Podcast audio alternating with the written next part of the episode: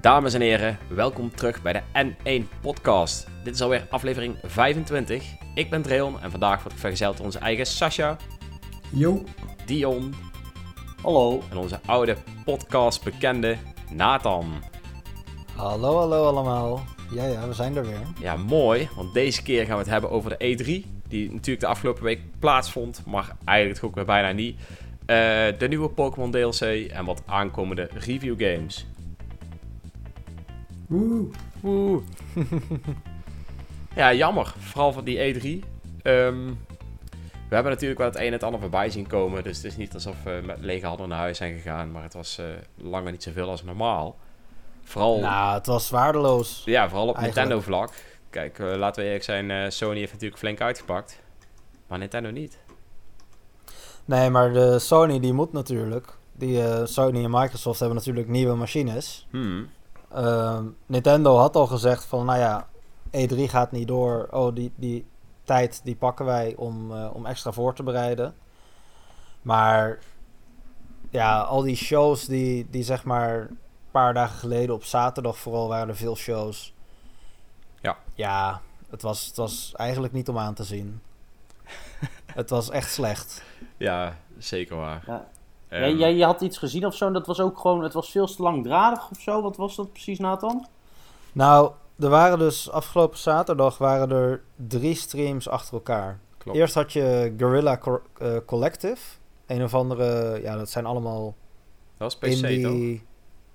Nee, dat zijn allemaal indie eh, dingen die, die zeg maar samen zijn ge- gegaan. En een show hebben geproduceerd. Dus niet alleen PC, maar ook console. Ja. Eh, dus om zes uur s'avonds begon dat. Ehm, de, de Guerrilla Collective Day One. En daarna hadden we om 8 uur had je de PC Gamer Show. Oh ja. Wat natuurlijk voor PC is. En ehm, toen dat afgelopen was, had je om 11 uur of om 10 uur s'avonds, weet ik veel. Laat in ieder geval had je, had je ook nog de Future Games Show. En dat was van eh, Games Radar, heet dat volgens mij. Ja. Ehm, dus drie shows op één avond. En ze duurden alle drie, duurden ze echt gewoon dikke anderhalf uur. Ehm, dus wanneer de één klaar was, dan was het nog 20 minuten of zo voordat de volgende begon. Alleen het was gewoon zwaar tergend. Het- de, de stukken tussen de games door duurden eigenlijk bij alle drie de shows best wel lang. Ehm, ja, er was heel veel indie content, maar weinig grotere content. Bij eh, Guerrilla Collective waren er een paar namen die, die nou ja, best wel groot waren. Even kijken. Volgens mij ehm, Larian Studios met Baldur's Gate 3. ja, Larian Studios was er inderdaad. Maar eh, ook Funcom en eh Coffee Stain Studios en eh 11-bit Studios. En nog wel wat, nou ja, mid-tier. En ehm, eh, Red Barrels namen. met Outlast Trials. Die zag er overigens wel mega vet uit. Ja, klopt. Maar wat dus heel jammer was, was dat dat soort bedrijven, die hadden dan of gewoon een trailertje van een game waarvan we al wisten dat die eraan zat te komen. Of eh, ze hadden een nieuwe reveal, maar dat was dan eigenlijk gewoon een heel niks zeggende cinematische trailer. En daartussendoor had je gewoon zoveel dingen, nou ja, die mij in ieder geval niet interesseren. Maar ik kan me heel goed voorstellen dat, dat iedereen, nou ja, weet ik veel, een derde van, van die games wel leuk vindt en twee derde niet echt geïnteresseerd is. En dat is gewoon te veel. Ja. En dat had je bij al die drie shows. Bij de Future Game Show, de laatste, die begonnen echt heel sterk. Daar had ik echt zoiets van, wow, dit is... Dit lijkt ergens op. Zou Alleen die ging ook veel te lang door. Zeg maar, halverwege begon, begon ik een soort van in te kakken. Maar dat eerste, eerste gedeelte was echt best wel goed. Gewoon qua pacing en qua wat ze lieten zien en zo. Maar die hadden ook nog best wel wat grote namen. Deep Silver, eh, Square Enix.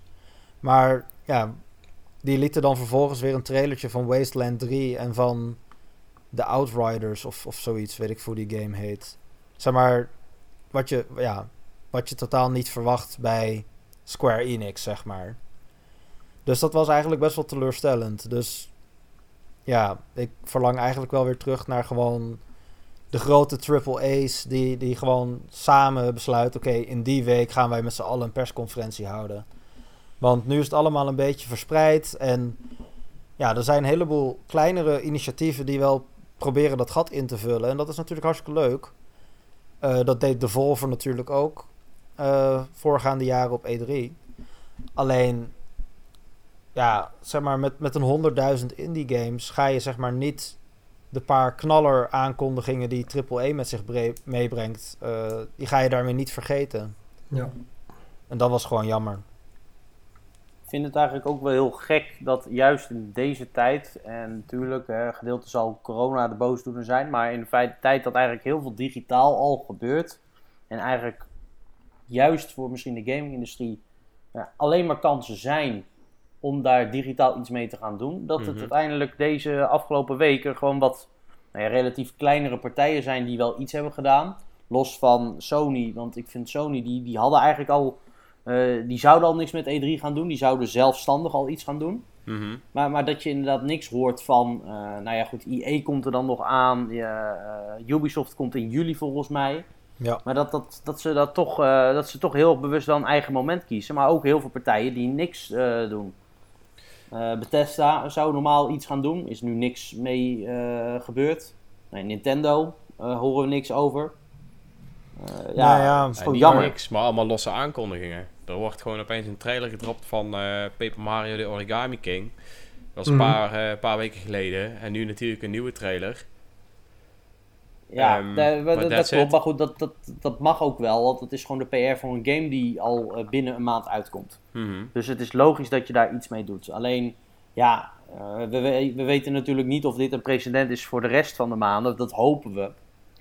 Eh, maar het kan ook zomaar zijn dat het voor de rest weer een hele tijd uh, stil blijft. Ja, ja dat nou ze ja. game voor game het gaan doen. Want dat was na, de, na Xenoblade uh, kwam Paper Mario eigenlijk. Mm En straks als Paper Mario uit is, ja, dan zal er weer iets nieuws moeten komen. Want anders dan heb je gewoon geen releases. Nou ja, het is... nou ja ik, ik ben eigenlijk ook niet heel positief over hoe het jaar eruit ziet voor Nintendo. Want nee. Zeg maar, je hebt die geruchten voor de 3D uh, eh, Mario games. En um, nou ja, daarbuiten hebben we eigenlijk vrij weinig gehoord. En zeg maar, Zelda, nou ja, dan mag je hartstikke van geluk spreken als dat dit jaar uitkomt. Maar dat verwacht ik eigenlijk niet. Nee. Denk het uh, ook niet. Nee, hè. En uh, nou ja, dan heb je nog dingen als, als Bayonetta, maar dat, dat, ja, dat gaat geen miljoenen verkopen. Uh, dan heb je nog Metroid Prime 4, maar die werd in 2018 uh, eh, volledig opnieuw begonnen.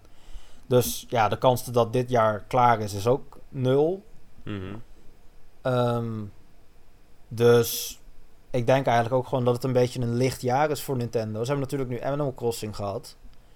Maar het zou mij niks verbazen als, uh, als ze inderdaad wachten tot, totdat Paper Mario uit is voordat de volgende lading aankondigingen komt.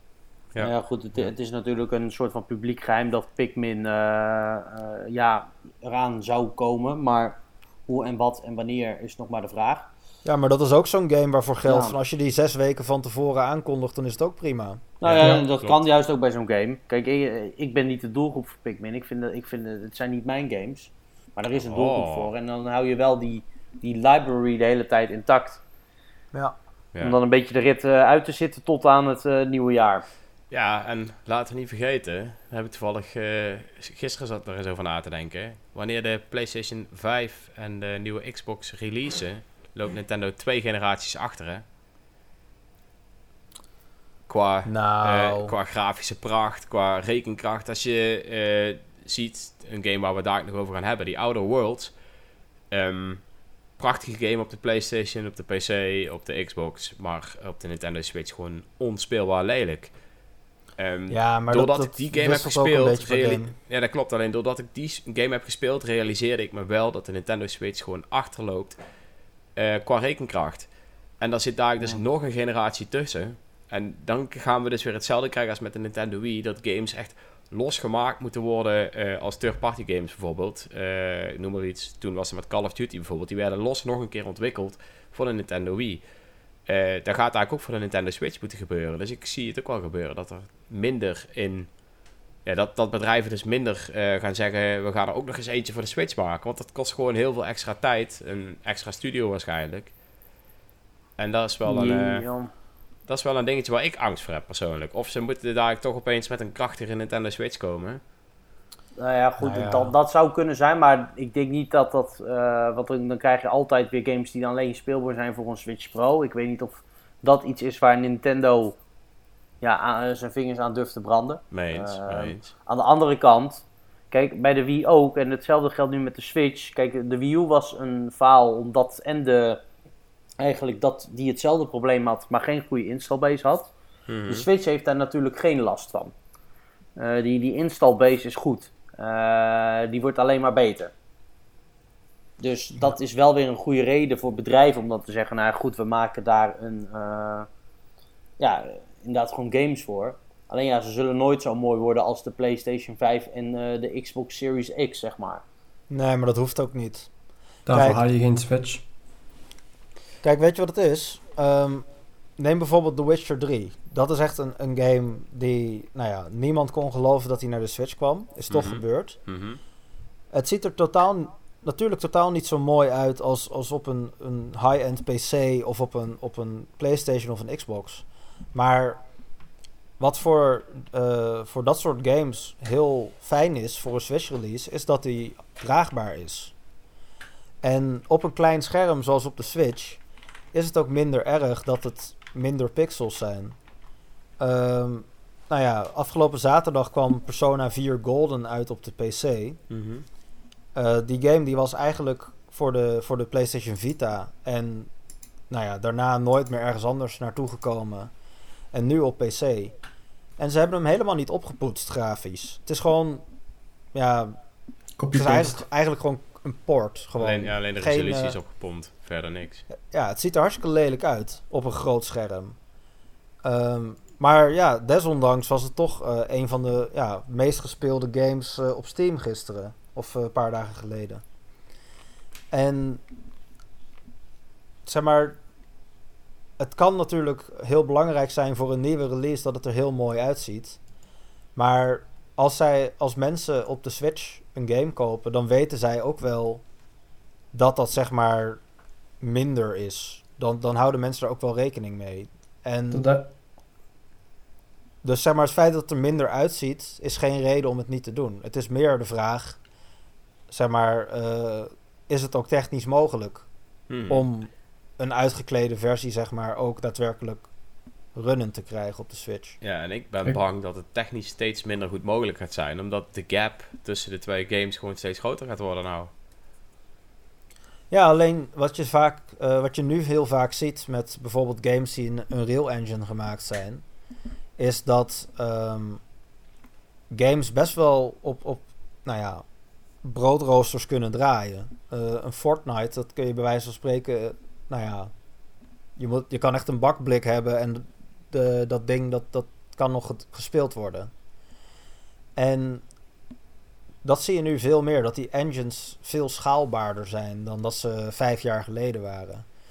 Eh, vijf jaar geleden had niemand durven dromen dat Doom of Doom Eternal eh, naar de Switch zou komen. Om maar even een voorbeeld te geven van, van een andere engine die, die eigenlijk hetzelfde doet. Mhm. Dus, eh, en aangezien eh, Epic Games gezegd heeft van Unreal Engine 5, eh, we willen dat alle, dat zeg maar alle apparaten die Unreal Engine 4 kunnen, kunnen spelen, ook Unreal Engine 5 kunnen spelen. En ook dat Unreal Engine 5 als programma even zwaar is voor een computer als Unreal Engine 4. Ehm, dat suggereert dat zij wel degelijk er alles aan gaan doen om, om ervoor te zorgen dat Unreal Engine 5 games gewoon ook naar de Switch kunnen komen. Uiteindelijk hebben ze er alsnog hoe, dan ook alleen maar baat bij. Als, eh, de, als de engines juist, ehm, hoe schaalbaarder de engines zijn, des te meer baat de developers er natuurlijk ook bij hebben. Want als je twee engines hebt, waarvan er eentje bij wijze van alleen maar draait op eh, de nieuwste generation consoles met de zwaarste hardware en voor de rest op niks. En je hebt een engine die eh, ook draait op één, twee of zelfs drie oudere generaties consoles en op een smartphone en noem maar op. Mhm. Je hebt een veel breder publiek dat je kunt bereiken met die, scha- met dat schaalba met die schaalbare eh, game engine natuurlijk. Ja. Ja, dat is zeker waar. Ehm, alleen ja, misschien komt het door mijn negatieve ervaring van de laatste game. Maar ik ben er wel steeds sceptischer over geworden. Ik denk echt dat, ondanks dat het allemaal schaalbaar is, dat het, eh, dat het gewoon niet meer eh, ver genoeg te downgraden is. Of in ieder geval nog mooi genoeg te downgraden. eh, Ja. Om het e- enigszins speelbaar te maken. Nou, ik denk ook wel dat je inderdaad... Zeg maar, je hebt natuurlijk nu ook wel een beetje een kater van eh de Ja. Outer Worlds. Slechte nasmaak. Ja, zou kunnen. Ja. Ehm, Want over een paar maanden komt Crisis Remastered uit. Misschien dat dat wel weer heel vet gaat worden. Ik eh, ben heel En jij hebt natuurlijk wel ook qua vergelijkingsmateriaal, als je jouw Switch vergelijkt met waar je Outer Worlds eh, aan de PC mee speelt, dat is natuurlijk ook een, eh, een dag en nacht verschil. Ja, zeker waar. Maar ehm, dat terzijde had ik wel zeg maar de, de, de bril opgezet. Als in, ik, ik ga daar niet al te veel mezelf aan storen. Maar het is gewoon zo mega slecht. Dat je je er wel Ja. aan stoort. Snap je? Eh, Het kan, ergens het kan ligt ook aan de wel... studio hebben gelegen, hè? Nou, de studio die het doet, ik weet dus niet meer welke, welke het is. Maar dat, sorry? Virtuous eh, heeft dat gedaan, toch? Zou kunnen. Ja, ik weet in ieder geval dat het een studio is die meerdere ports heeft gedaan. Die best wel prima waren. Dus daarom eh, ben ik hier zo van verschoten. Want ik keek echt uit naar deze game. Ja, het is zonde, hè? Ja, het is heel zonde. Ehm, en, en dat is meer een dingetje. Ik, ik trek wel ergens een lijn met wat ik kan hebben op grafisch gebied. Ondanks dat ik wel weet dat het er minder uit gaat eh, zien. Dit was gewoon slecht. Het ziet er en niet mooi uit. En ik had nog steeds FPS drops. Ja, dan, Ja. dan, dan hou het op. Voor mij. Maar Ja. that's just me. Nou, ik hoop in ieder geval gewoon heel erg dat volgend jaar eh, de E3 gewoon weer in zijn oude vorm door kan gaan. Ja, zeker waar. Dat we in ieder geval gewoon die persconferenties hebben op, eh, ja, bij Ja. elkaar. Goed, als, je, als ik aan de E3 denk, dan is zeg maar het hoogtepunt van de E3 is niet zozeer de beurs. Maar dat is gewoon inderdaad de persconferenties, de, de aankondigingen. Dat, dat is eigenlijk het meest. eh, dat, dat doet de E3 nog altijd beter of deed dan bijvoorbeeld een Gamescom. Tuurlijk, daar heb je ook wel wat aankondigingen. Maar eh, Nintendo heeft bijvoorbeeld nog nooit een Nintendo Direct, los van die indie eh, showcases, hebben ze op de Gamescom, eh, speciaal gewijd aan Gamescom. En zo heb je eigenlijk de meeste partijen, de echte hoofdaankondigingen deden ze altijd rondom de E3-periode. Al dan niet onderdeel van E3. En dat, ja, dat, dat, dat mis je nu gewoon. Zeker. Dat is, aan de ene kant, het, het is gewoon jammer dat je één moment hebt waar je dan met z'n allen uitkijkt. Of je nou Nintendo, Playstation, Xbox-fan of wat dan ook bent. Eh, eigenlijk wa- was zeg maar de, de E3 altijd het feestje waar je dan met z'n allen naar uitkeek. Ja, de week Ja, van de dan was je gamers. echt, dan, wa- dan was je gewoon een gamer inderdaad. En Ja. dan maakt het niet uit waar je fan van was. Het was gewoon de week van de gamers. Dat was Ja. echt, eh, ja. En dat mooi. is nu, eh, ja, nu kiest elke uitgever haar eigen moment. En dat is eh, te begrijpen nu ze de mogelijkheid hebben. Mhm. Alleen, ja, het is, het is wel jammer. Want nu hebben we inderdaad in juli moeten we dan weer eventjes wachten met eh, Ubisoft. Die dan wel weer met leuke aankondigingen gaan komen. Ehm, ja, en Nintendo. Wie weet wat die allemaal gaan doen. Ja. Verwachten we eigenlijk nog een Nintendo Direct op, eh, op termijn? Ja, Nou, nee. ja, zoals, zoals Nou. straks al gezegd, dat ik verwacht eigenlijk alleen maar een, een paar van die shadow drops. Of in ieder geval ja, een paar weken van tevoren een trailertje. En dat gaan ze Ja. zo waarschijnlijk doen tot aan het moment waarop het eh, misschien makkelijker is voor een bedrijf om weer een direct te maken of zo. Ja, Ik, maar, eh, ik merk wel natuurlijk een hoop, overal een hoop versoepelingen. Laten we hopen dat die versoepelingen ook ehm, er weer voor zorgen dat zo'n bedrijf weer iets meer creativiteit kan hebben en weer terug kan gaan op het oude schema. Want ja, laten we eerlijk zijn, heel veel games zullen wel vertraging op eh, lopen of, of, of op hebben gelopen. Nou ja, dat is ook nog een ding. Dat zeg maar, je hebt natuurlijk de productie van die direct zelf, maar ook, Mm. zeg maar, je kan wel een direct hebben, maar als je niks hebt om te laten zien, dan Ja. houdt het ook snel op. Al die games Ja. moeten wel een deadline halen. Die ze, normaal zullen ze waarschijnlijk een deadline krijgen van dan en dan moet jij jouw trailer verstuurd hebben. En dan stoppen wij Ja. hem in de direct. En als die natuurlijk door heel veel bedrijven niet gehaald kunnen worden, eh, vanwege verschillende redenen, dan maakt het lastig. Bij, de, op. bij de Nintendo Direct Mini de, toen in maart, toen stond er ook echt een hele duidelijke disclaimer aan het begin van die video van joh, die eh, release data die we hierin vermelden, die kunnen wijzigen. En daar zaten niet eens echt AAA-titels bij, althans niet first party. Mhm. Dus dat zei eigenlijk toen ook al genoeg over de, ja, hoe, hoe onduidelijk het, eh, het was voor hun, in ieder geval voor deze periode tot aan nu, om echt keihard een deadline of een datum te noemen. Nou, uiteindelijk is volgens mij elke game wel uh, gereleased op de datum die ze ook hebben verteld. Ja. Maar ja, het is natuurlijk wel makkelijk in die zin dat als Nintendo gewoon heel veel games op de plank heeft, of in ieder geval uh, nog in het geheim uh, hebben, dat je gewoon kan zeggen van nou ja, goed, we zien wel wat uitkomt. We, hebben geen, we leggen onszelf geen druk op met de huidige situatie. En we zien wel wanneer die game uitkomt, wanneer ze het echt weten. Um, Paper Mario scheen inderdaad al um, bijvoorbeeld nu al een tijdje gold te zijn. Uh, ja, dan kan je gewoon heel makkelijk een datum communiceren. En dan is het gewoon een kwestie dat die cartridges worden gedrukt en uh, worden verscheept. Nou. Ja, inderdaad. Ja, lastig jongens, lastig. Ik, uh, ik hoop in ieder geval dat we zo snel mogelijk weer op de oude baan zitten. Waardoor, er, uh, ja, waardoor het voor ons ook weer iets duidelijker is om, uh, ook voor de content die wij natuurlijk maken. Dat is af en toe ook een beetje lastig nu, omdat er gewoon opeens iets kan verschijnen of zoveel weken niets. En vooral Ja, als het gaat om, om grote ontwikkelaars. Kijk, qua, qua indie gaat het vaak wel door. Hè. Dat zijn toch mensen die al met een kleiner bedrijfje samenwerken. Of allemaal vanuit huis. Of dat in ieder geval heel makkelijk werkbaar hebben kunnen maken. Maar de grote bedrijven zullen daar toch iets meer moeite in moeten steken. Dat zal inmiddels natuurlijk al gedaan zijn. Maar je weet natuurlijk niet wat eh, daar al de hordes zijn geweest. Ja,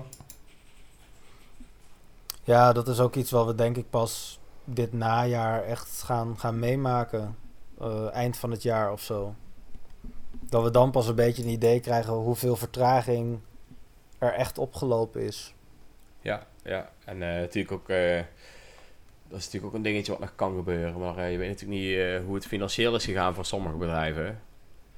Ehm, maar het zou zomaar kunnen zijn dat we dat ook nog gaan voelen. Nou, dat verbaast me niks. Ik had sowieso al. Jason Schreier die had een eh, paar weken geleden een eh, artikel. Dat ging over de studio achter Kerbal Space Program 2. Mhm. Ehm, en zeg maar, dat wordt uitgegeven door Take-Two. Door eh, de, de, de mensen achter NBA 2K en zo. Mhm. Ehm, en nou ja, het kwam er eigenlijk op neer dat die graag die studio wilde overkopen. Alleen, nou ja, ze kwamen er niet uit. En toen heeft eh 2K op een gegeven moment gewoon gezegd: Oké, weet je, dan, dan niet. Dan eh, halen we gewoon de game weg. Dan laten we die gewoon door iemand anders ontwikkelen. Dan maken we gewoon een eigen studio. En dan gaan we gewoon kijken of we werknemers eh, van jullie kunnen ronselen.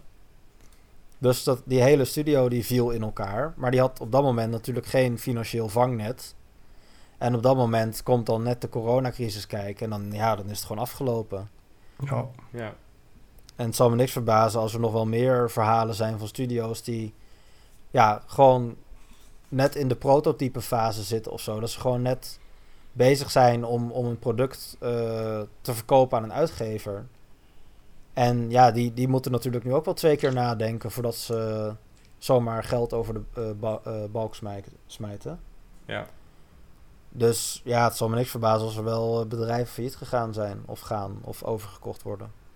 Nou, en vooral dat laatste. Het zou me niet zoals als de wat grotere partijen op een gegeven moment denken van die willen voor een dubbeltje eh, bij de, op de eerste rang zitten. Dat ze denken, Ja. oh hey, die partij, eh, daar hadden we eigenlijk al een tijdje een oogje op. Laten we nu maar even meerderheidsbelang nemen.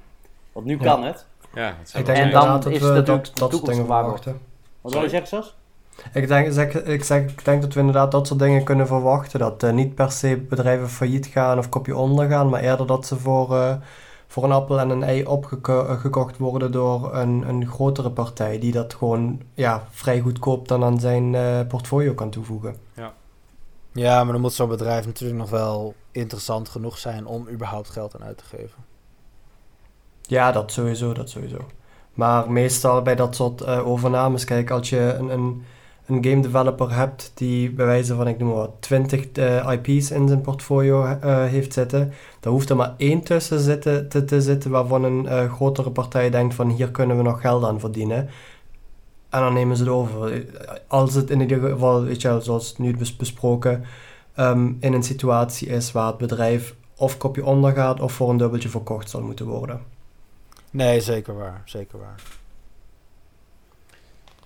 Ja. Oké, zullen we door? Ja, zeker. Daar was ik net aan het denken. Ehm, want natuurlijk, Over geld verdienen gesproken. ja, over geld verdienen gesproken, want dat doen ze dan, doen ze dan inderdaad wel weer. Ehm, de nieuwe Pokémon DLC komt deze week uit. Ja, Ja. over twee dagen. Over twee Op dagen. het mijn moment verjaardag. dat de podcast wordt opgenomen over twee dagen inderdaad. Mm, Op mijn verjaardag is dat eh, de 17e. Lekker. Kijk. Dus heb je jezelf een verjaardagscadeau gegeven, Nathan? Eh, nou, nog niet, maar hij gaat er wel in komen hoor. nou, vertel, Ik- waarom?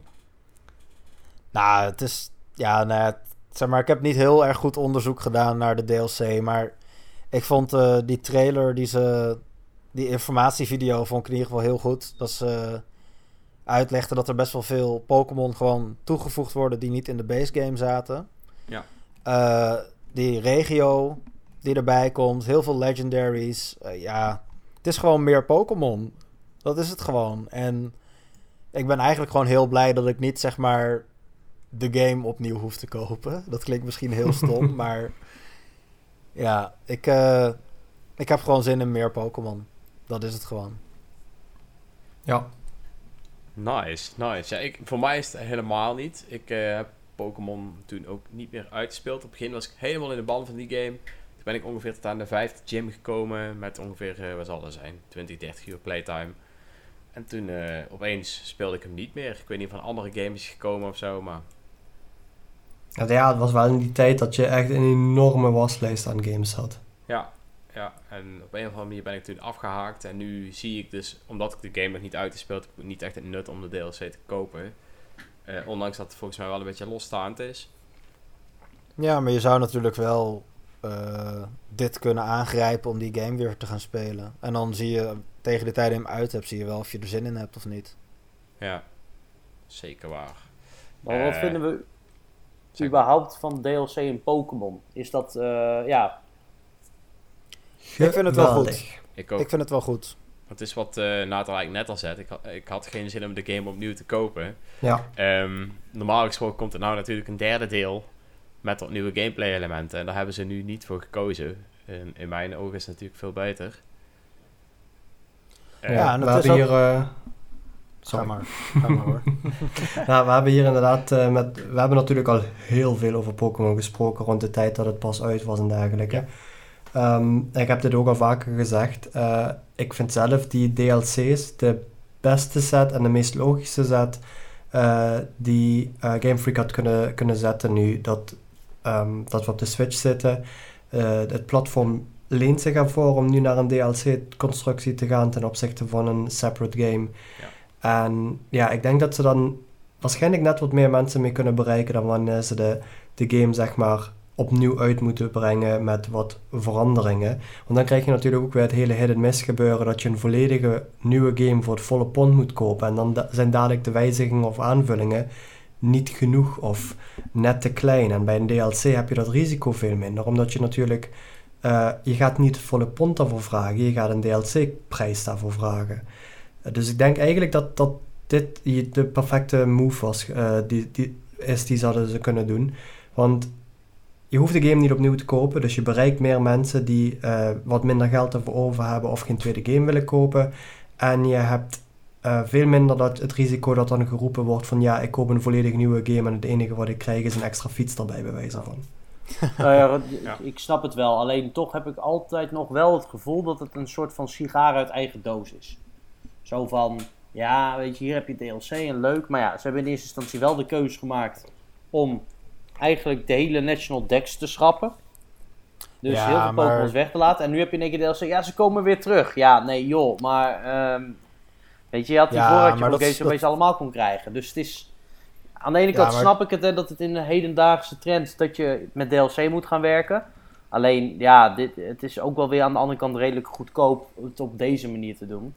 Maar Dion, Ehm, ja, ik snap dat zeg maar, dit, dit boeit consumenten natuurlijk echt totaal niet. Maar zeg maar ook een beetje vanuit de, de developerkant gesproken. ehm, ze moeten voor iedere generatie Pokémon, moeten ze voor alle Pokémon nieuwe eh, modellen maken. En animaties updaten. En eh, dat moet eigenlijk allemaal dus eh, ja, gerefreshed worden. Terwijl er komt ook iedere generatie komt er weer een Pokémon. Of komt er weer 100 zoveel Pokémon bij. Dus Ja.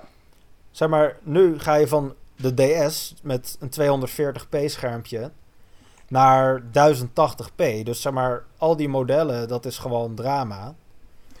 Ehm, Yep. En eh, wat wilde ik zeggen? Ja, dan heb je ook nog meer Pokémon dan ooit. Je hebt nou iets van, van 800 Pokémon of zo die ze, die ze moesten overbrengen. Echt insane. Dus ik snap zeg maar wel dat die keuze gemaakt is. Eigenlijk, Ja, is het al een, eigenlijk is het al een wonder dat ze niet zeg maar toen 600 genaderd werd, dat ze toen al zoiets hadden van: oké, weet je wat, we gaan Pokémon weglaten. Wat ik zelf ook denk, ehm, wat, wat voor mij persoonlijk in ieder geval de reden was om Sword and Shield onder andere op te pakken, is wanneer je ehm, zo'n groot gedeelte, die hele National Decks, schrapt, ehm, maak je toch, toch een heel stuk uitnodigender ook voor, voor toch die nieuwe en beginnende spelers. Ja. Want eh, ik, ik heb Red and Blue gespeeld, ik heb Gold and Silver gespeeld, daarna ben ik daarmee gekapt. Ehm, maar ik heb heel veel games ge- overgeslagen op een gegeven moment. Op een gege- want ik kwam wel op een gegeven moment weer met, met eh, mensen in contact die het veel speelden, maar ik had echt geen zin om een, aan een game te beginnen waar, waar de dex gewoon op 700 staat. Want ja, ik, in mij zit er dan wel zo'n beetje ook het, het eh, ik wil het wel allemaal kunnen collecten, maar dat was me gewoon een, een te grote berg. Dus het hele feit dat het geschrapt was bij eh Sword and Shield en zeg maar gewoon eh, alleen maar bepaalde Pokémon erin zaten, dat was voor mij juist een hele uitnodigende factor om als terugkomende speler, CQ eh, nieuw beginnende speler, dit spel te gaan oppakken. En ik heb mijn decks completed. Ik heb heel wat uren in Sword and Shield staan. Ik heb de DLC op de dag eh gepreorderd dat die, dat die beschikbaar kwam en ik ga hem dadelijk spelen. Want er zijn weer nieuwe Pokémon en of oude Pokémon die eraan toegevoegd worden, die ik zeg maar kan, eh, eh, weer kan gaan, gaan vangen en aan mijn collectie kan toevoegen. Maar ik denk als Sword and Shield ehm, met de National Dex uit was gekomen, ik had hem 1000? mogelijk wel gehaald, maar ik denk dat, eh, dat, dat het wel een, een grotere drempel voor mij was geweest. Hm. Dat is ook wel een interessant eh, perspectief op zich. Ja, daar kan ik me in principe ook wel in vinden. Want dan waren het meer dan 1000 Pokémon of zo. Ja, nu bijna. Hè? Dus ja, ik kan me voorstellen als jij er maar 250 kent, dat eh 750 nieuwe namen best wel, eh, eh, ja, dat je daar best wel van geschokt kan zijn. Nou, wat ik vooral hoop met, zeg maar, als, als deze expansion pass het goed doet, ehm, dan hoop ik ook gewoon dat ze wat meer tijd gaan investeren in individuele games. Want je hebt, zeg maar, bij de 3DS had je gewoon ieder jaar een nieuwe Pokémon. Mhm. En nu, eh, dit najaar, komt er geen nieuwe Pokémon. Maar we hebben wel twee keer een expansion pass. Mhm. En ik, ik zou het op zich wel fijn vinden dat er gewoon de games wat meer uitgebreid worden door die DLC. In plaats van dat je ieder jaar weer, nou ja, dezelfde game met een twist, met een update Ja, Mhm. eh, te spelen krijgt. eens, Want ze zouden ook gewoon, weet ik veel, misschien doen ze dat nu nog niet, maar in een volgende game ergens. Zouden ze gewoon kunnen zeggen van, oh, eh, we hebben nou een, een, een, eh, een Sinnoh remake bijvoorbeeld. Oh, weet je, eh, we waren het eigenlijk niet van plan, maar nu als onderdeel van de DLC gooien we alsnog de Underground erin. Of weet ik veel, net, net iets uit die generatie. Een Battle Frontier of, of ja, noem wat je wil. Gewoon, gewoon iets waarvan je eigenlijk denkt van oké, dit is niet per se nodig. Maar ja, er was nou toch DLC gemaakt. Het is leuk om het toe te voegen. En dat hoop ik eigenlijk een beetje. Dat dat eh erin komt. ja je, je houdt het wel wat, ehm, ik denk makkelijker, maar ook langer levend op die manier. Mhm. Ja. Je weet mensen toch iedere keer weer terug te trekken naar je game. Ja, want de, de, de end, endgame in zoverre van, van Pokémon, als je echt alles uitgespeeld hebt, eh, dat het is eigenlijk alleen maar de, de, de competitive ehm, Ja. doelgroep bereik je daarmee. Die, weet je wel, gaan min-max breeden eh, en, en zeg maar de beste teams in elkaar gaan stellen. Want als jij alle game content uitgespeeld hebt en alle eh, Pokémon gevangen hebt en je decks compleet hebt, het enige wat je dan nog kunt doen is competitive spelen of shinies verzamelen. En dat zijn toch twee hele eh, ja, kleine groepen ten opzichte van de, de, de grote playerbase die Pokémon heeft en de grote fanbase die Pokémon heeft. Dus door middel van juist die DLC's ook eh, weer eraan toe te voegen en ook daadwerkelijke gameplay eraan toe te voegen, geef je toch ook die andere vrij grote groep aan, aan spelers weer iets extra's om te doen en weer wat meers te doen.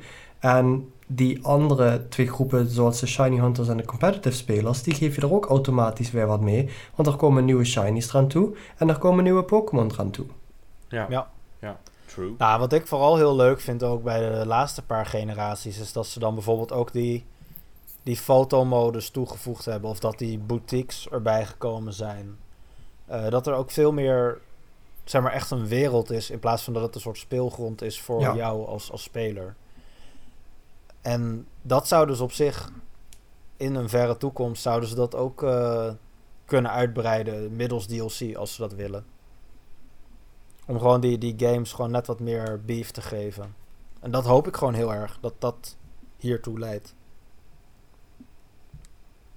Ja, het zou mooi zijn. Ik eh, zelf ja, ben ik er nog niet zo over te spreken, maar dat is meer omdat ik gewoon uitgekeken ben op Pokémon. Eh qua DLC ziet er echt allemaal prima uit. Ehm, waardoor eigenlijk nog maar één vraag rest. En dat is, eh, wordt dit Pokémon zoals het bij release had moeten zijn? Want er zijn natuurlijk wel een paar dingen veranderd. Ehm, want de games waren gereleased en ook ondanks dat het goede games waren, was er natuurlijk ook genoeg kritiek op. En dan lijkt het wel alsof ze daar het een en het ander mee gedaan hebben. En wat vinden jullie nu dan dadelijk van het uiteindelijke pakket? Denken jullie dat dat de complete Pokémon Sword Shield zou moeten zijn? Of had moeten Nou ja, wat het wel een beetje zo is met, eh, met die games. Eh, kijk, die DLC, toen die game werd released, toen hadden ze al lang, eh, dat, dat, dat intern was al lang bepaald hoe ze dat gingen doen. zijn? Hmm, Dus of dit dan de perfecte Pokémon games zijn, ja, ik ben er nog steeds, denk ik dat dat niet zo is. Maar dat heeft er meer mee te maken dat, het, dat dit een eerste game is voor een echte console. Even los van Gale of Darkness en Colosseum en zo op die games na. Mhm. Dus ik verwacht pas eigenlijk de volgende generatie Pokémon games op de Switch, dat dat de, tussen aanhalingstekens, ultieme Pokémon games moet gaan worden. Al dan Ja. niet met DLC natuurlijk. Omdat ze dan gewoon veel beter in hun hoofd hebben van hoe werkt zo'n console. Eh, daardoor je inderdaad veel meer dingen misschien kan gaan uitbreiden. Dat waarschijnlijk de hele wereld een, eh, een wild area wordt. In plaats van wat je nu nog, dat het beperkte ruimtes zijn. Dat is wat ze nu in de DLC's gaan doen. Ja, Ja, nou ja, goed. En dan inderdaad groter. En dat, eh, ik, ik denk dat, dat je dus van deze games, ja, ik bedoel, het is een leuk extraatje. En ik heb hem al lang gepre-orderd, dus, of tenminste gedownload. Dus ik, ik ga het sowieso ook wel weer spelen. maar dat, eh, ja, kijk, dat Game Freak nog een hoop eh, moet leren als het aankomt op eh, games ontwikkelen voor op consoles in plaats van handhelds. Ja, ik denk dat dat buiten kijf staat. Of het Ja. de ultieme Pokémon gaat zijn, ehm, denk ik inderdaad niet. Ik denk dat dit ehm, een, een prima eh, eerste teen in het water is geweest voor Game Freak om te kijken hoe ze dit het beste kunnen en moeten vormgeven. Maar ik denk wel, ehm, als ze inderdaad alles kunnen waarmaken wat ze beloven met de twee DLC's, eh, denk ik wel dat dit Pokémon Sword and Shield, eh, inclusief de DLC's, de game is zoals dat vele mensen hadden gehoopt dat die op release zou zijn. Ja, dat ben mee vooral, vooral dat eh, wild, eh, wild Area gedeelte bijvoorbeeld. Zoals het tot nu toe omschreven is, zou het zo zijn dat eh, de nieuwe gebieden, je hebt je niet ehm, wat je nou hebt, je hebt een gedeelte Wild Area en dan alsnog de routes die alles ver- verbinden. Ja. Nee, je hebt gewoon Wild Area, dit is je wereld en daar zijn je steden, klaar. En als dat inderdaad zo gaat werken, eh, plus alles overige wat er nog bij gaat komen, eh, de, de terugkerende legendaries en dergelijke, ehm, denk ik inderdaad, dit is Pokémon Sword and Shield qua content wat het op release had moeten zijn volgens veel mensen. En daar ben ik het deels mee eens, want je merkt gewoon in de game vanaf welk moment ze op een gegeven moment zijn begonnen met de game afrushen en eh, zo snel mogelijk de game afmaken. Je merkt echt dat moment in het spel merk je gewoon. Yep, en Ja. toen ben ik ongeveer gekapt. Ja, dat is inderdaad wel eh, zonde, was dat. Maar ja. Maar dat is dan wel weer positief dus voor die volgende game. Dat die waarschijnlijk nu al in productie is. Verwacht dat er nog een ander team met remakes van Diamond and Pearl bezig is op dit moment. De Maar- volgende game die is al Ja. begonnen voordat eh Sword and Shield uitkwam hoor. Nou ja, daarom. Nee, maar, eh, kijk, en nu zit je niet met dat jaarlijkse. eh er moet weer een, eh, zeg maar een, eh, ja, een geüpdate variant game aankomen. Nou, dan heb je misschien de tijd dus dat volgend jaar, dus de winter van 2021 of november 2021, komt dan die remakes van Diamond and Pearl misschien uit. En dan zou je pas in 2022 je nieuwste eh, console Pokémon game hebben. Nou ja, en dat kan echt een hele grote game dan gaan worden. Waar je ook gewoon echt Waar Game Freak eens een keer gewoon drie jaar, ruim drie jaar de tijd voor heeft gehad om te ontwikkelen. Ja, maar het zou ja. mij ook niks verbazen als ze al wild areas en, en dat soort dingen die bij Sword and Shield geïntroduceerd zijn, als ze die ook al in die Diamond and Pearl remake gaan verwerken. Dat eh, zou mij ook zeker niks verbazen.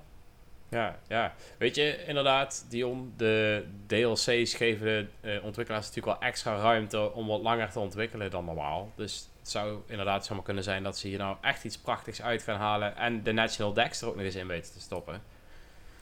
We blijven hopen. Maar we kunnen Nou, ik verwacht alleen wel dat, zeg maar, volgende generatie, eh, zeg maar, die, dat, dat de game, of tenminste dat de, de National Dex compleet is aan het begin, dat, dat moeten we gewoon uit ons hoofd zetten.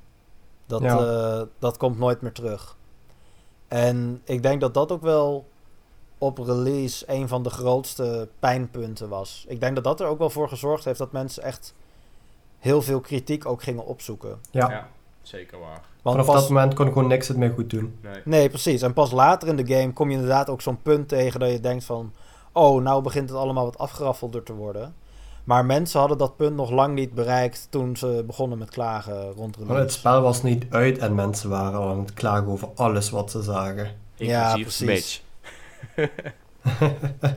Wat ik zelf trouwens eh, nog steeds blijf hopen, ik ik blijf gewoon hopen, dus ik kan er ook niks aan doen, is dat ze eh, toch nog gaan komen met een ehm, nieuwe Pokémon Colosseum eh, spin voor de eh, Switch. Ik Ja, heb die, zou die nice games, zijn. ik, Pokémon Colosseum 1, maar ook 2, ik vond ze fantastisch. De minigames waren superleuk en het was gewoon ja, toch net wat anders om, om zeg maar in echt een stadium ehm, manier zeg maar tegen elkaar te spelen. Eh, dan dat het zeg maar is wanneer je via de, ehm, met, met, met de Switch bewijzen van tegen elkaar gewoon speelt. Het, het voelt toch net wat anders. Dus ik blijf stiekem toch hopen dat er nog iets van een Colosseum-achtig iets of God knows eh, een, een nieuwe Pokémon Snap zou gaan komen. Daar zi- zit ik dan meer op te wachten. Want eerlijk gezegd, ik denk als je nu nog een Colosseum game uitbre- uitbrengt. Het eh, mooie vroeger was toen Pokémon Colosseum kwam. Dat je de Game Boy Color games had. Die grafisch dan niet zo mooi waren. En dat je dan opeens die grafische Ja. pracht van de Nintendo 64 had. Die die gevechten zo mooi maakte. Ja, Ehm, nu is eh, het verschil te klein. Waardoor ik denk dat je eh, als je de game eenmaal zou spelen. eh, content mist. Snap je wat ik bedoel? ja Colosseum zou het in zo'n geval veel meer moeten hebben dan van, van de minigames. Ja, bijvoorbeeld. Of juist... Waar ze een, een, een, een gat in de markt kunnen oppakken, want Mario Party blijft slapen. Ja, ja dat zou kunnen, maar ehm, ja, zoals Gale of Darkness had natuurlijk wel een heel eigen gameplay stukje waarbij je natuurlijk wel eh, rondliep en nog steeds Pokémon kon vangen, maar eh, dat was dan toch net iets anders dan in de gewone Pokémon games. Mhm. Ehm, als ze het op die manier zouden maken, zou het denk ik wel oké zijn, maar als ze alleen maar de gevechten zouden implementeren met minigames, dan denk ik dat je een game hebt die te veel mist, omdat de gewone Pokémon games voor het zo dichtbij zijn. En toen was juist het grote verschil met die. Game Boy Color graphics en die prachtige Nintendo 64 graphics, wat natuurlijk die Colosseum zo cool maakte. Ja. Ja, een van de dingen die ik aan de Colosseum ook heel vet vond, ehm, was, je had, het, het is een heel klein dingetje en als je, weet je wel, eh, een week of twee eh, Colosseum in één stuk doorspeelt, dan wordt het ook heel repetitief. Hmm. Maar de announcer daarbij, dat voegde Ja. voor mijn gevoel ook zoveel daaraan toe, dat die announcer daarin zat eh, tijdens de combats. Klopt, dat Ah, maakt het ja. allemaal wel, eh, ja, wel erg. Maar zoiets, zoiets denk ik van... Dat proberen ze nu al een beetje met, met Sword and Shield natuurlijk. Dat e-sport, stadium, sfeer dingetje. Mhm. Maar mijn dan denk ik grootste van- gemis aan Sword and Shield persoonlijk was voice acting. Gewoon het ontbreken van stemmen in de hele game vond ik Ja, zo ontzettend jammer. ja Goed. vooral bij cinematics. We kunnen Ja. natuurlijk wel heel veel zeuren over de game en eh, terecht. Alleen uiteindelijk heeft Game Freak wel gelijk, want ja, de game is een van de best verkopende eh, Pokémon games in ieder geval Ja. volgens mij dit decennium. Het, het is Pokémon. Je kunt het tussen twee rottende broodjes pleuren en eh, nog Nee, verkopen. Nee, nee, zeker. Maar ik bedoel, hij heeft beter verkocht dan al. eh, volgens mij heeft alleen Diamond and Pearl die heeft het beter gedaan dit decennium. Los van de originele en de Gold en Silver. Want dat, ja, die verkopen die, die waren echt niet normaal hoog. Nee, Ja, dus het, is, het is over Diamond and Pearl heen volgens mij. Oh, inmiddels al? Ja, nou ja, goed, dat bedoel ik. Want die was daarvoor de best verkopen. In ieder geval van de. Ja, jij bent de, de man van de cijfers, Nathan. Dus ik ga niet tegen jou in. Cijferman. Maar, dat, eh, maar goed, dat zegt dus genoeg. En ja, die game die is eigenlijk nog maar een half jaar uit. Dus eh, ja, de install base en de mensen die nog een Switch gaan kopen, die gaan ook allemaal nog Pokémon kopen. Of in ieder geval een hoop. Mhm. Dus Ja. die, die game die zit nog helemaal niet aan zijn limiet. En dan heb je ook nog eens DLC die erbij komt. Dus ja, dat is allemaal eh, mooi verdiend voor de Game Freak. Zeker waar. Ik heb het even opgezocht. In eh, maart, toen, eh, toen zat Sword and Shield er nog net onder. Maar dat is inmiddels wel ingehaald. Alright. Ehm, gezien de tijd denk ik dat we even door moeten gaan met ons laatste puntje op de agenda. Wat Sure. spelen wij momenteel? En dan begin ik eh, deze keer een keertje bij jou, Nathan. Nou, wat leuk. Ehm, ik, eh, ik heb laatst nog eh, Pokémon gespeeld. Daar ben ik een beetje terug aan het komen. Pokémon en Mario Kart zijn wel een beetje mijn go-to Nintendo games. Eh, maar ik heb eigenlijk heel weinig nieuws gespeeld. Dat komt ook gewoon omdat ik nu al zoveel binnen zit dat ja, de vrije tijd dat ik toch, toch liever buiten ga zitten. Oké. Al is het maar gewoon een rondje lopen of zo. Ehm, maar ik speel dus vooral Pokémon gewoon door. Ik ben eh, opnieuw begonnen met Sword and Shield. Eh, ook vanwege de, de DLC.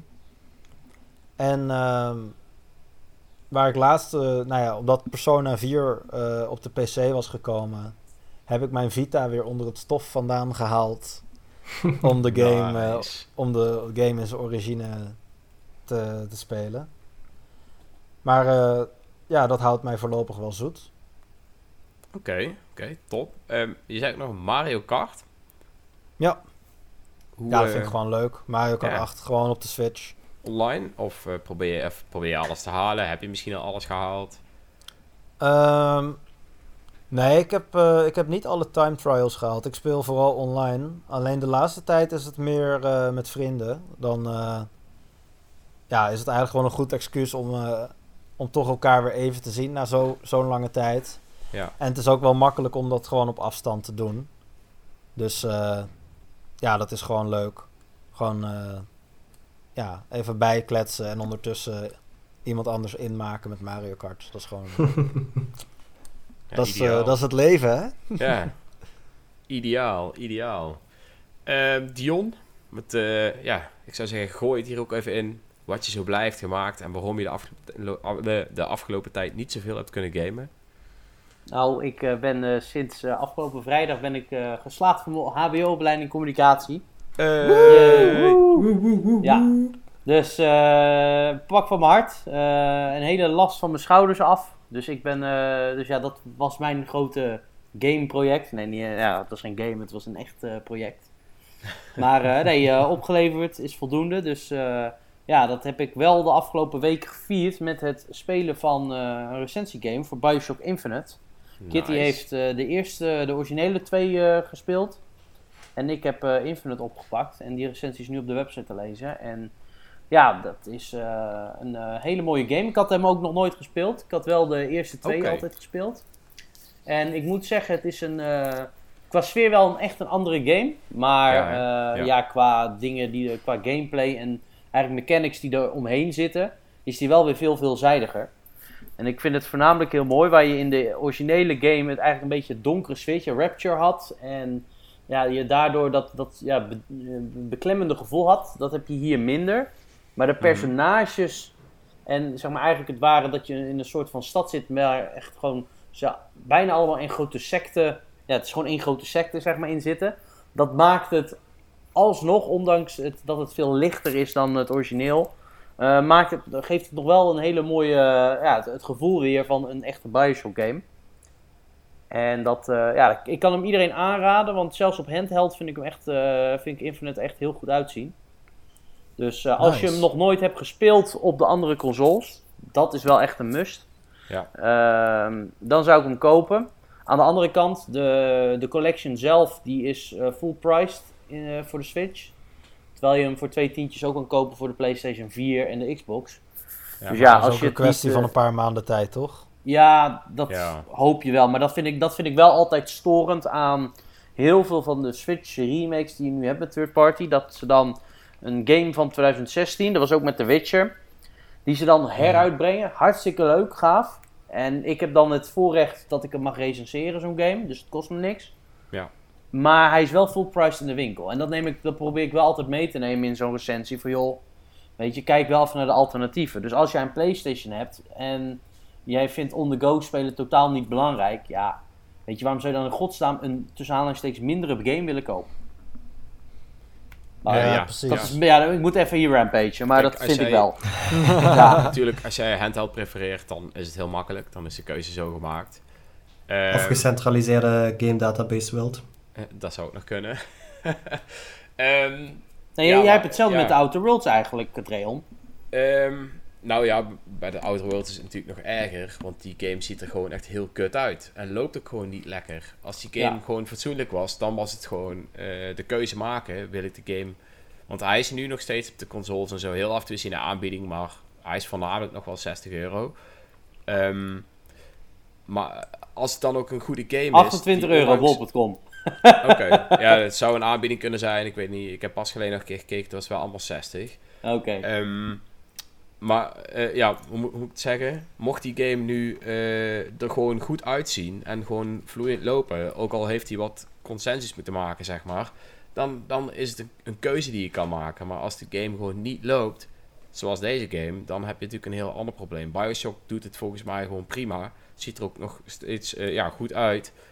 En dan is het gewoon de keuze maken, wil ik hem dan op een handheld spelen of een hybrid console? Of wil ik hem spelen op mijn PlayStation 4 voor wat minder geld? Ehm, wat is, is Bioshock 60 euro? Is die 40? Ik dacht 40, maar ik weet het niet zeker. Eh, ga ik heel veel opzoeken. Maar goed, maar met de Outer Worlds is het gewoon, ja, die game is een half jaar uit. Die kost nu nog maar 27 euro. 46 euro eh, staat die hier. Ah, oké. 42 euro Bioshock The Collection. Nou ja, Ja, goed, dus dan, ergens eh, ongeveer, maar je 40, bent voor de helft van de prijs heb je een, eigenlijk een game met ja, een grafisch betere, ehm, ja, dat het grafisch beter is.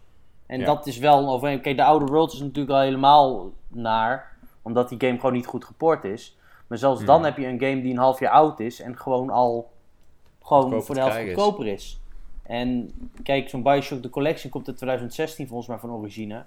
Nou goed, dan, dan kan je er nog voor zeggen van, ah, oké, logisch, want je kan een nieuwe game niet meteen voor die prijs... Ja, het kan wel, maar eh, ze moeten er ook wat aan verdienen.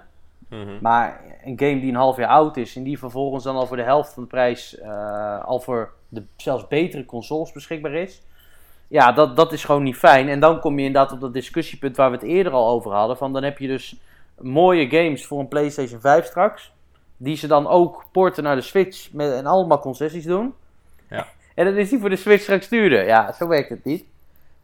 Ja, dus dat, eh, dat wordt een lastige. Ehm nou ja, nu ik toch al een hele hoop over de Worlds heb gepraat, lijkt het misschien handig als ik er even over verder ga. Voordat we Ja, wat speel jij nu. Dreon? ja, de, de En wat vind je ervan, Dreon? Ehm, nou, het is dat wij op de podcast niet zoveel schelden. Maar als ik daar nou mocht, dan had ik wel eh, een Nou. drie-letter woord gebruikt. Ehm, gewoon Kwalitatief uitermate teleurstellend is het, of niet? Juist. Juist. Ja. Ehm, ja, het is gewoon... Kijk, de game zelf is gewoon echt heel goed.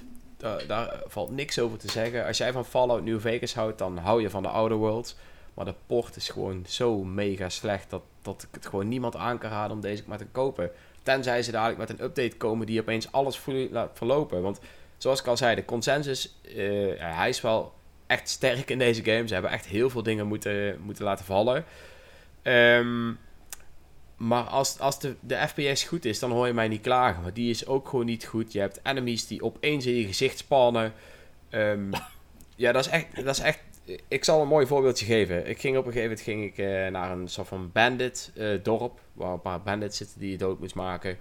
En uh, ik zag er maar een stuk of drie. Dus ik dacht, uit, dit gaat me wel lukken. Dus ik pak mijn sniper. Ik schiet er een door zijn hoofd. En opeens spannen er vier verschillende enemies nog bij. En die verschenen ook gewoon allemaal opeens in mijn scherm. En ik dacht van, wat is dit? En ja, toen ging ik geen teleport-functie, dat ze gewoon teleporten. Tada! Ja, dat was echt heel apart. Alsof die ze toen pas inladen of zo. Maar ja. booby trapped. opeens, dan, dan houdt het gewoon op. En toen dacht ik echt van, ja, dit is echt... Ik ga ook eerlijk bekennen dat dit uh, een van de weinige review games wordt die ik niet uit ga spelen. Ik ga deze game echt niet uitspelen. Zo slecht speelt hij. Dan zit ik me helemaal mateloos te irriteren. Um, ja. En dat gebeurt niet heel gauw. Dus dat gaat ook wel in mijn uh, review naar boven komen. Ja. Wil je al een tipje van de sluier licht over het eindcijfer? Nou, hij zal niet hoger zijn dan een 4. Oeh. Oeh. Ja, dat is echt waar. Um, en dat ondanks dat de game gewoon heel erg goed is. Maar ik kan hier, hier kan ik ook niet doorheen kijken. Ik heb ook een game ooit gereviewd. Uh, dat was Pillars of Eternity. Die uh, had ook een paar gamebrekende bugs. Maar die was gewoon nog heel erg goed. En uh, Versus Evil, de ontwikkelaar, had ik al aangegeven: jongens, dit is gewoon niet goed. Wij gaan dit fixen. En dan kan het wel, weet je. Dan kan ik de game dan kan ik er nog doorheen kijken en dan weet ik dat gefixt wordt. Bij de Outer Worlds is ook gewoon nog niks losgelaten over dat ze die game gaan fixen. Um, hij is er nu, het werkt gewoon niet. En ja, je zit ermee te kijken. En als je er 60 euro voor betaald hebt, dan denk ik dat je echt wel uh, met een rotgevoel uh, rondloopt thuis. Kijk, ik heb hem natuurlijk gratis gekregen. Uh, en zelfs gratis ben ik er niet over te spreken. Ja, dat is, dat is gewoon niet goed. Dat is gewoon jammer. Nee, dat is uh, drama. Ja, en verder ga ik uh, binnenkort nog aan een andere game beginnen. Mag ik nog niks over zeggen. Maar, uh, Spannend. Ja, die blijkt heel goed te zijn. Dus zodoende. Dan zijn we nog bij Sasha. Ja, ik, ik heb de afgelopen dagen een hele aparte game opgepakt. Of ja, heel apart. Ik ben uh, Yu-Gi-Oh! The Legacy of the Duelist uh, heb ik maar gehaald voor de Switch. Nice. Die is op dit moment nog steeds uh, eh, 50% afgeprijsd. Dus ik ben keihard aan de card games. Heftig, Yu-Gi-Oh! Dat zijn nog eens tijden, man. Ja, man. Ja, het, het, is een beetje voortgekomen zijn. Op een gegeven moment zijn wij um, Yu-Gi-Oh! Season, even kijken dat ik het niet verkeerd zeg, 4 en 5 3 of 4 of 4 en 5. De laatste twee seizoenen zijn we gaan kijken van de, de allereerste Yu-Gi-Oh! series, dus Duel Monsters. Mm En toen begon het toch een beetje in de vingers te jeuken van ja, we hebben nog kaarten. Zullen we misschien gewoon eens weer een beetje gaan spelen? Dus uh, we hebben de, de decks, de oude kaarten gezocht. We hebben wat nieuwe proxies gemaakt. En voor we het wisten hebben we ook een stuk of acht van onze vrienden aangestoken. Die op een gegeven moment ook allemaal hun kaarten willen bij begonnen te pakken. Super vet. En uh, ja, toen, ik heb Um, Legacy of the Duelist had ik al een heel tijdje in mijn wenslijst staan op de Switch. En ik zag dus op een gegeven moment dat die 50% afgeprijsd was. Dus ik denk van ja, dat is nu wel het moment om hem dan ook maar te gaan halen voor de Switch. Want het is dan gewoon puur alleen het, kaart, de, zeg maar het kaartspel, toch? Uh, ja, Legacy of the Duelist, daar speel je eigenlijk uh, alle Yu-Gi-Oh! series. Want dat zijn verschillende series um, met verschillende arcs en seasons. Uh, die speel je daar eigenlijk allemaal door. Dus alle grote belangrijke battles speel je daar in de story modes door. Oké. Okay. Um, ehm, er zit geen voice acting in, er zit geen video in, dat zijn gewoon losse beelden met tekst erbij. En dus inderdaad, de, core van, van de spellen is gewoon het kaartspel. Ik geloof de teller zat op meer dan 10.000 kaarten die in uh, Legacy of the Duelist Link Evolution zitten. Uh, dus ook al die nieuwe kaarten, Pendulum, Synchros, XYZ, Link, die, die zooi zit er ook allemaal in. Die, die, dat zeg maar um, allemaal niks, die nieuwe series en zo, maar dat... Uh, ik was nog van de originele serie. Maar krijg je nog wel, net zoals vroeger, dan ook probo-kaartjes bij het spel? Of, uh... ik heb hem gewoon digitaal aangeschaft, dus... Ah, Oké, okay, ja, dan krijg je ze niet. Ja. Dan hou het snel op. Ja. Oké, maar tof. Ik eh, vond vroeger Yu-Gi-Oh! best wel tof. Ja, als je, als je van, van ehm, Yu-Gi-Oh! houdt in de zin van gewoon echt puur het kaartspel Yu-Gi-Oh! dan eh, kan ik eh, Legacy of the Duelist wel aanraden. Eh, het is, doet precies wat het hoort te doen. Het is gewoon een, een goed werkend Yu-Gi-Oh! spel. Eh, er zitten op eh, de allernieuwste booster na zitten geloof ik vrijwel alle kaarten erin. Want eh, Link Evolution heeft ook alle DLC's erin zitten. Eh, dus je hebt een gigantische hoeveelheid aan kaarten erin zitten. Ehm, er zitten geen fancy battle animations of zoiets in. Het is gewoon echt gewoon een ruw core Yu-Gi-Oh! kaartspel. En als, als je echt gewoon van, van, die, van het kaartspel zelf houdt en geen uitgebreide story en animaties en weet ik wat allemaal eromheen wilt hebben, dan is het echt een, eh, een topspel. Echt een goede aanrader eigenlijk. Oké. Nou, dat is op zich wel nice. Ja. Top. Bij deze mijn mini-review. nee, maar ik, ik vind het wel altijd leuk, want ik heb in het verleden heb ik voor de PC heb ik toen eh eh, Yugi the Destiny en Joey of Oh, ja. the Passion en die die had ik Yep. allemaal. Mhm. Alleen het concept van zo'n spel verandert eigenlijk niet. Nee. En volgens mij is het redelijk makkelijk om te maken allemaal. Dus het is echt zo makkelijk om dan gewoon even te zeggen van ja, hup. En mensen blijven het leuk vinden. En dat, eh, ja, dat, dat verbaast me wel weer op een bepaalde manier aan zo'n game. Ik zou zelf persoonlijk nog echt wel een keer een soort van RPG-achtige variant willen hebben. Met dus dat kaartspel als een soort van eh battle systeem. Mhm. Maar dat je dan eh, ook echt rond kan lopen en, en kaarten kan vinden. En dat, dat lijkt mij ook gaaf als er nog eens een keer zo'n type eh, spel ja, zou komen van Yu-Gi-Oh! En dan Volgens mij eh, hebben ze die ooit gemaakt. Ja, voor de Game Advance of zo. volgens Mhm. mij. Ik kan me daar iets van, herinner- van herinneren dat er zo'n soort game bestaat. Was er ook niet een Dragon Ball game met, die zeg maar zo was met kaarten en Ja. zo? Ja, klopt. Meerdere Maar zelfs. wordt ook nog, Voor de Game Boy en voor de Nintendo Switch ook nog één. Nou, er is ook een daadwerkelijk kaartspel van Dragon Ball dat ook gewoon nog steeds loopt. Ja. Nou, ik, ik, ik ben meer van de RPG's eh, dan. Dan had je Dragon Ball Abuse Fury en Legacy of Goku en eh, Die waren heel tof. ja. Ja. Hé, maar jongens. Het zit er weer op. Ja. Ja, Hey yo. Helaas, ja. het ging zo snel. Het was zo gezellig. Hey, ik eh, wil natuurlijk eh, Dion en Nathan bedanken. Want eh, dat ja, is een het, is waar genoegen. alsjeblieft. Het is echt zeker leuk als jullie natuurlijk een keertje aansluiten. Dus mocht je ooit tijd hebben, dan eh, zou ik zeggen, sluit vooral nog een keer aan. Ook Sascha wil ik weer bedanken. Want jij bent er natuurlijk Yay. elke week. En het gemis van Mitch is ook eh, apart. Want die jongen hebben we natuurlijk eh, altijd bij de podcast. Ehm, ik wil alle luisteraars bedanken. En wij, of jullie horen ons over twee weken weer.